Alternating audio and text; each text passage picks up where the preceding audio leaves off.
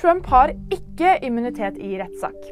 En dommer slo fredag fast at tidligere president Donald Trump ikke har immunitet mot straffeforfølgelse knyttet til ting han gjorde som president.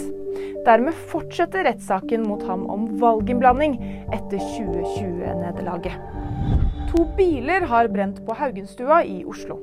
Brannvesenet fikk melding om hendelsen i firetiden natt til lørdag, og politiet sier at de har gjort funn som får dem til å tro at brannen var påsatt. En ny bokbombe har blåst liv i rasismeanklager rundt det britiske kongehuset. Ifølge boken 'Endgame' var det nemlig kong Charles og prinsesse Kate som gjorde et nummer ut av hudfargen til det ufødte barnet til prins Harry og hertuginne Meghan for snart fem år siden.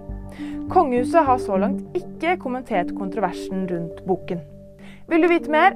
Nyheter finner du alltid på VG.